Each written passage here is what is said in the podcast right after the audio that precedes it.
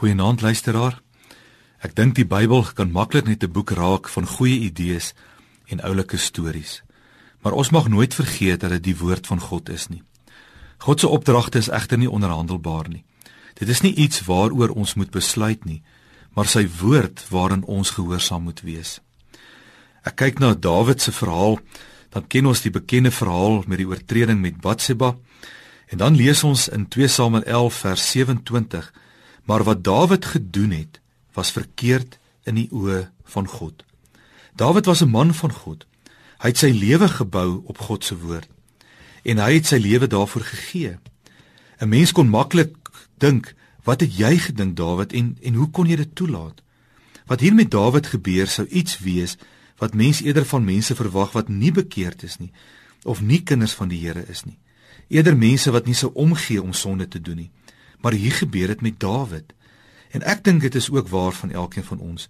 Ons doen baie dinge soos hierdie wat nie behoort by iemand wat God ken en dien nie, maar tog doen ons dit. In 1 Johannes 2 vers 15 lees ons: Moenie die sonnige wêreld en die dinge van die wêreld lief hê nie. As iemand die wêreld liefhet, is die Vader se liefde nie in hom nie. Die wêreldse dinge, alles wat die sonnige mens begeer, alles wat sy oë sien en begeer, Al sy gesteldheid op besit kom nie van die Vader nie, maar uit die wêreld. En die wêreld met al sy verleideliike dinge gaan verby, maar wie die wil van God doen, bly vir ewig lewe. Ons word almal blootgestel aan versoekings. Versoekings is natuurlik nie net die dinge wat ons wil doen wat lekker lyk nie. Maar versoekings is ook wanneer ek en jy weet wat die regte ding is om te doen en ons doen dit nie.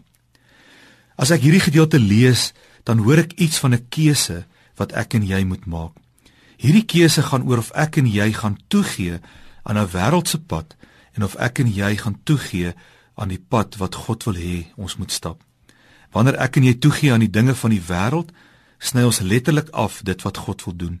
Ons keer met ander woorde dat sy liefde in die wêreld heers en ons keer dat sy werk in die wêreld voortgesit word. Leef jy nog met hierdie gedagte?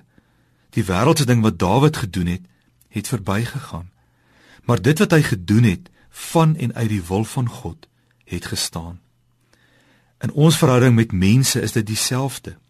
Kyk maar wat gebeur in ons verhouding met ons ouers of met ons vriende of by die werk of met ons liefdesverhoudings wanneer ons deur begeerte gedryf word. Begeertes van wat ek uit selfsugtigheid wil hê. So 'n verhouding kan nie bly staan nie. Dit gaan verby. Dit bring niks goeds voort nie en dit dra ook nie God se seën nie.